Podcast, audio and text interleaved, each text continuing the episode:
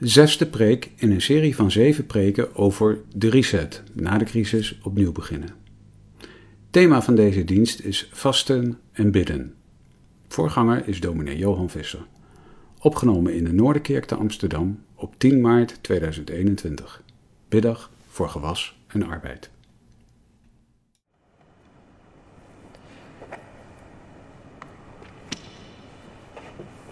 Ik dacht het is uh, goed om op de middag iets van onderwijs over gebed uh, te doen. En um, dat kwam ook, uh, kwam ook uit, uit de boeken Nehemia en Ezra, waar we in de avonddiensten met de serie De Reset mee bezig zijn. Dus bij die reset, dat opnieuw beginnen van Israël naar de ballingschap, speelt gebed ook een grote rol en bij dat gebed ook vasten. En het leek me goed om juist dat aspect dat, hè, een Bijbels aspect dat bij bidden hoort om daar eh, vanavond kort bij stil te staan. En ik lees drie gedeelten uit de boeken Nehemia, Nehemia en Esra, waar het eh, over vasten gaat. En het begint helemaal in het begin, dat hoofdstuk hebben we ook al een keer gehoord, de hoofdstuk 1, 1 tot 4. Daarna bladeren we verder naar hoofdstuk 9, vers 1 tot 4 en 25 tot 31. En daarna nog even terug naar Esra 8, vers 21. Dus eerst Nehemia 1. De woorden van Nehemia, de zoon van Agalja. Het gebeurde in de maand Gisleu in het twintigste jaar, toen ik in de burcht Suzan was, dat Hanani kwam, een van mijn broers, hij en de mannen uit Juda. En ik vroeg naar de Joden die ontkomen waren, die uit de gevangenschap overgebleven waren, en naar Jeruzalem. En ze zeiden tegen mij, de overgeblevenen die uit de ballingschap uit de gevangenschap daar in het gewest zijn overgebleven, verkeerden in grote ellende en in smaad. In de muur van Jeruzalem zijn bressen geslagen en zijn poorten zijn met vuur verbrand. En het gebeurde toen ik deze woorden hoorde, dat ik ging zitten en begon te huilen. En ik bedreef enkele dagen rouw, terwijl ik voor het aangezicht van de God van de hemel vastte en bad.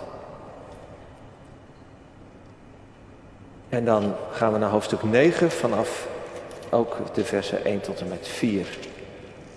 Dat is uh, midden in het gedeelte waar het gaat over een hernieuwde verbondsluiting. He, dus de, de, muren zijn herbouwd en ze gaan nu verder. En um, dan vindt er allerlei dingen plaats, er wordt feest gevierd, maar er is ook een dag van vasten en gebed. Hoofdstuk 9, vers 1. Op de 24e dag van deze maand verzamelden de Israëlieten zich met vasten en in rouwgewaden met aarde op hun hoofd. En het nageslag van Israël zonderde zich af van alle vreemdelingen. Ze gingen staan en ze beleden hun zonden en de ongerechtigheden van hun vaderen. En nadat ze op hun plaats waren gaan staan, lazen ze voor uit het wetboek van de Heere hun God gedurende een vierde deel van de dag. En op een ander vierde deel van de dag deden ze beleidenis en bogen zich neer voor de Heere hun God. En Yeshua en Bani en Kadmiel, Sebanja en Buni, Serepja, Bani en Ganaya gingen op de verhoging van de levieten staan en riepen met luide stem tot de Heere hun God. En dan volgt er een, ook een heel lang gebed van, van berouw en van inkeer. En dan bladeren we terug naar Ezra, hoofdstuk 8, vers 21 tot 23. Ezra staat op het punt om uit Babylon eh, naar Juda over te steken. Een lange reis. Hij heeft de kostbaarheden, een deel van de kostbaarheden van de tempel bij zich meegekregen van de, van de koning. En dat wordt dus een spannende reis. 8 vers 21. En toen riep ik daar bij de rivier Ahava een vaste uit, om ons te verootmoedigen voor het aangezicht van onze God. En om hem om een voorspoedige reis te verzoeken voor ons, voor onze kleine kinderen en voor al onze bezittingen. Want ik schaamde mij ervoor om van de koning een leger en ruiters te vragen om ons te helpen tegen de vijand onderweg. We hadden immers tegen de koning gezegd, de hand van onze God is ten goede over al wie hem zoeken, maar zijn kracht en zijn toorn is over al wie hem verlaten. Wij vasten en verzochten onze God hierom en hij liet zich door ons verbidden. Tot zover deze gedeelte uit Ezra en Nehemia. Je bent zalig als je het woord van God hoort en het ook bewaart.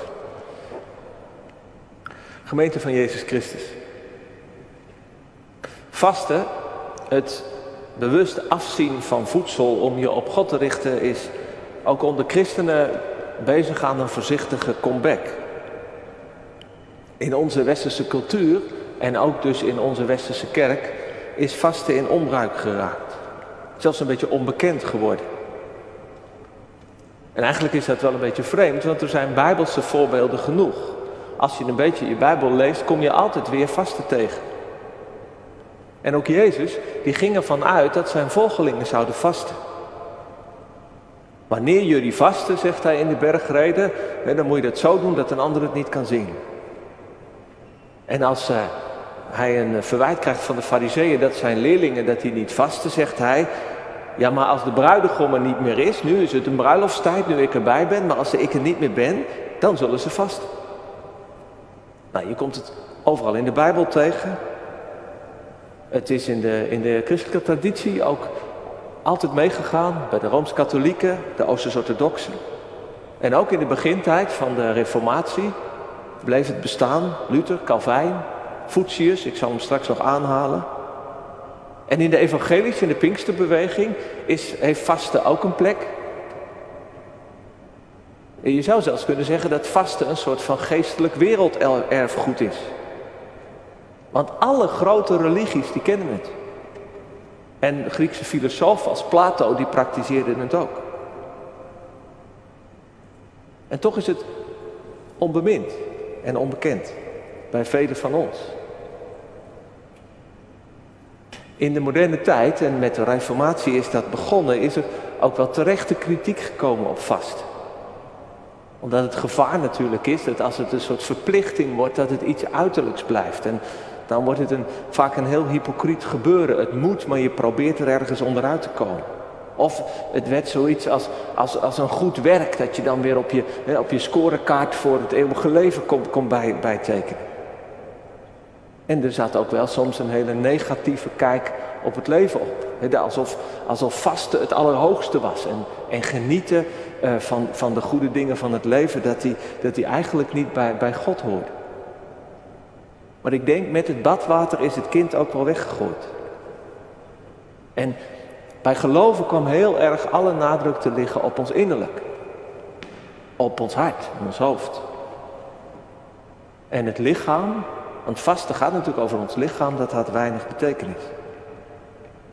En ik denk in onze tijd, en even belangrijk is denk ik onze manier van leven. Wij leven in een wereld van overvloed. Waarin we ontzettend bezig zijn om onze verlangens te bevredigen. En vasten, dat is natuurlijk vloeken in de wereld van, van de supermarkt. En van eten en koken, uh, op tv zelfs. Van overal eettentjes, van snoepautomaten, van thuisbezorgd. Het is natuurlijk lastig om nee te zeggen als je continu wordt geprikkeld en geleerd om aan de verlangens van je maag en je smaak gehoor te geven. En als dat gewoon een vaste gewoonte is geworden. Maar toch komt er aandacht voor vasten. Vanuit het oogpunt van gezondheid, als een vorm van dieet, periodieke vasten.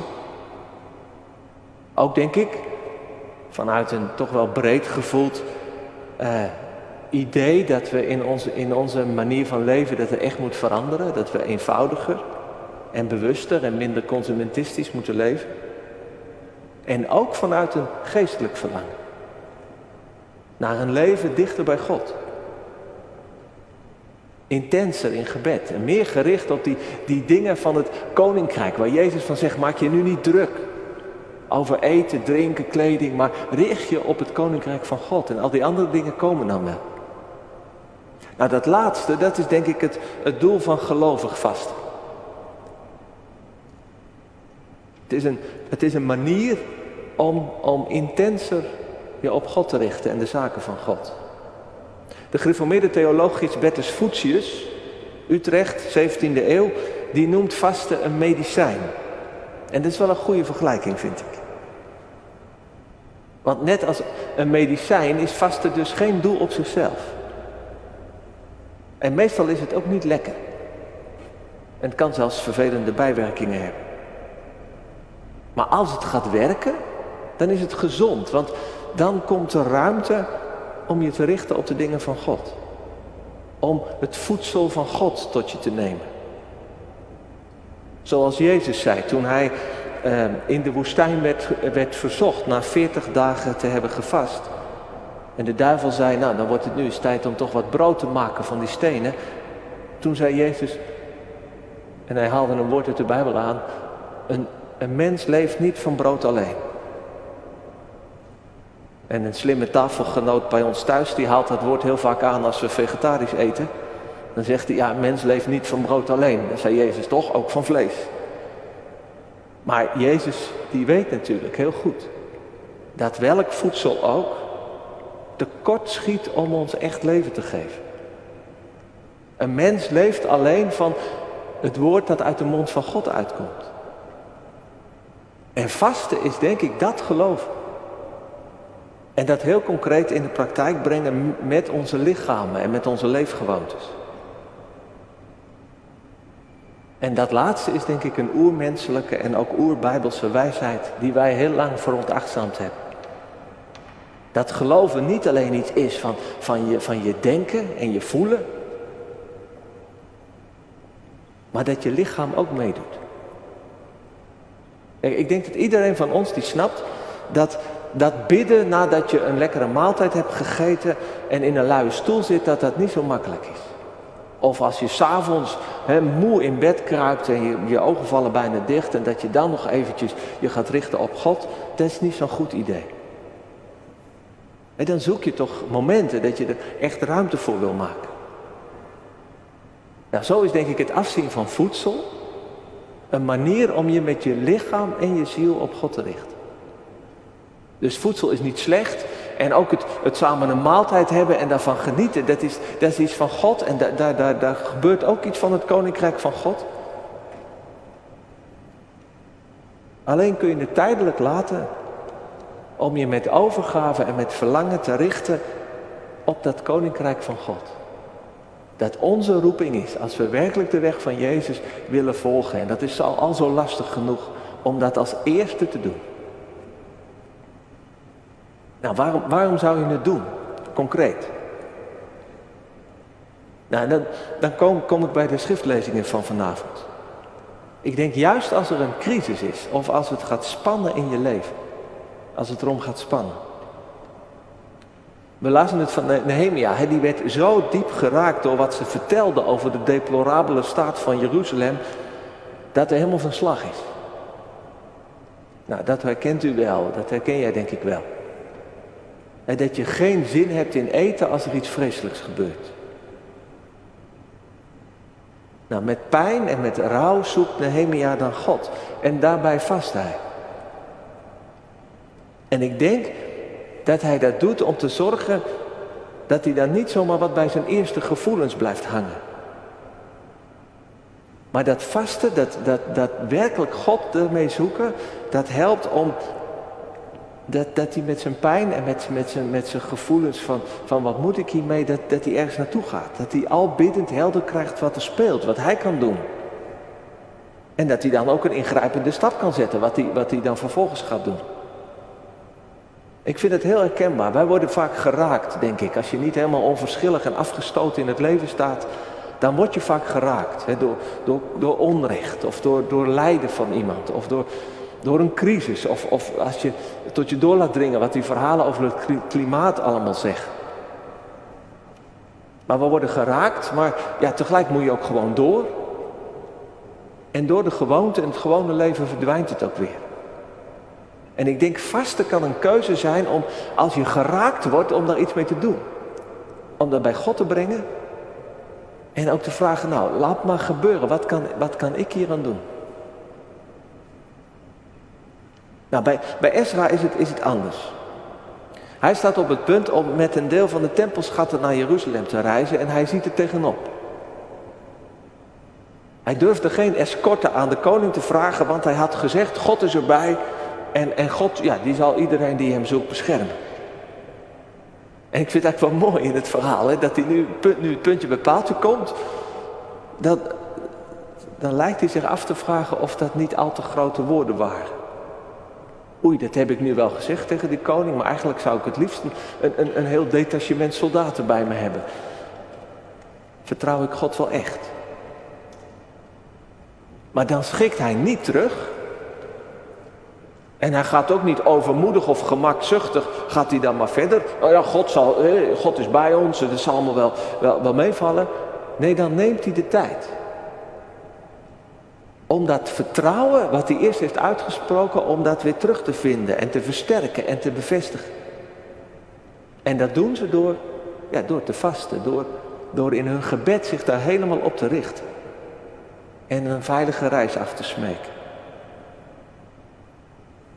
Ja, want God heb je niet in je broekzak. En ook je geloof, dat is niet iets wat je zomaar eventjes bij je draagt als een, als een sleutelhanger. Dus sta je voor een moeilijke keuze, een ingrijpende stap of misschien een hele zware weg, ja, dan heb je geloof en vertrouwen nodig. En dan kan vasten dus helpen om dat te zoeken en te vinden bij God. En niet zomaar toch dan maar een beetje met, nou ja, misschien of hè, met wat gevoel eh, daarmee verder te gaan. En dan het derde, ook gezamenlijk kun je vasten. Ik vertelde al in Nehemia 9 gaat het over die verbondsvernieuwing van het volk. En er gebeurt heel veel. Hè. Ze vieren uitbundig feest, het Loofhuttenfeest. Ze leren de woorden van God weer kennen. Maar ze houden ook een vaste dag. Een dag waarop ze boete doen, schuld beleiden. En het oude echt achter zich laten en, en, en een nieuw begin zoeken. Daar zit denk ik de wijsheid en de ervaring in dat een nieuw begin, dat we dat vaak niet 1, 2, 3 hebben. En dat je soms ook geholpen moet worden om, om, om, om berouw te, te krijgen en om afstand te nemen van wat, van wat verkeerd is gegaan. En je verlangen zo ook weer te wekken op Gods genade. En dat zie je dan, hè, dat ze na het vasten, dan, dan, dan, dan, dan bidden ze dat, dat, dat prachtige gebed van berouw en, en, en van, van en zich helemaal toevertrouwen aan God om die nieuwe stap te kunnen maken. En ik denk een gezamenlijke vorm van vasten, zoals de biddag vroeger ook was eigenlijk. Hè. Dan werd er een biddag uitgeschreven in een, in een, in een, bij een ramp of bij een, gevaarlijke oorlog die, die, eh, die dreigde. En dan werd de hele samenleving gevraagd om, om te bidden en ook te, uh, en ook te vasten. En dat werkt natuurlijk stimulerend. Het is niet je innerlijke drang die je naar, naar God toe, toe jaagt, maar het is zo'n zo moment. Nou, het heeft vaste vormen gekregen. In het Jodendom is het de grote verzoendag, die een vaste dag is. Nou, bij ons is het de 40 dagen tijd voor Pasen, die, die, die, die een vaste periode kan zijn. En wij hadden ook wel zoiets van deze biddag, een jaar in de crisis. Het is ook wel goed om in ieder geval een dag van gebed van te maken. Toen dacht ik, nou laten we dan ook maar als het over een dag van gebed gaat, ook nadenken over vast. Ten slotte praktisch. Hoe doe je dat, vast? En wij zijn in de Noorderkerk nog wel eens gewend en soms is dat ook gewoon heel goed hè, dat we zeggen, ja, dit is, dit is het gebod van de Heere God, maar ja, wij zijn ook maar mensen en we halen het niet. En dan, dan trekken we ons hart op, halen we ons hart op aan, aan Jezus. Die heeft het voor ons gedaan. Nou, ik denk dat het bij vasten gaat het, gaat het niet werken. Ja, Jezus heeft gevast, maar die heeft niet voor ons gevast. Die heeft voor zichzelf gevast. Vasten, dat is iets wat God aan ons geeft als een hulpmiddel, net als gebed, dat wij, dat wij mogen doen. En natuurlijk mogen we vertrouwen dat, dat, dat, dat Christus ons daarin wil helpen. En dat als het niet lukt ook, of als je het niet doet, het is, het is geen, het is geen eh, plicht. Maar als je, het, als je deze woorden serieus neemt, hoe zou je dat kunnen doen? Eén, stel een doel. Waarom wil je, waarom voel je dat je moet vasten? Niet omdat ik het heb gezegd of omdat het zo hè, erbij hoort of zo. Nee, wat verlang je? Wat speelt er in je leven? In je omgeving waar je God voor moet zoeken? Is er iets waardoor je geraakt bent en wat je niet kwijtraakt? En wijd je dan toe aan God voor dit? Want het gaat niet om jou, het gaat niet of je, of je, of je dat allemaal goed doet met, met, de, met dat vasten, maar het gaat om God. En met zijn doel in ons leven. En wat hij aan vernieuwing en verlossing wil brengen. Tweede, lees er even iets over. En, en dat is helemaal niet ingewikkeld, daar kun je overal over vinden. En maak dan een plannetje Want het helpt vaak gewoon goed waarin je simpel begint. Met één maaltijd en dan twee maaltijden. En dan een week later misschien 24 uur.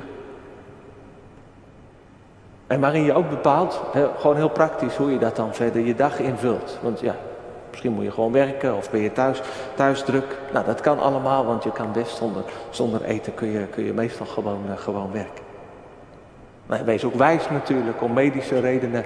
Of als je gezondheid niet goed is, moet je het vooral niet doen. Want je kunt ook vasten met je tijd. Je kunt ook vasten van Netflix of televisie. Of van uh, je mobiel, of van shoppen. Of van alcohol, nou, noem maar op.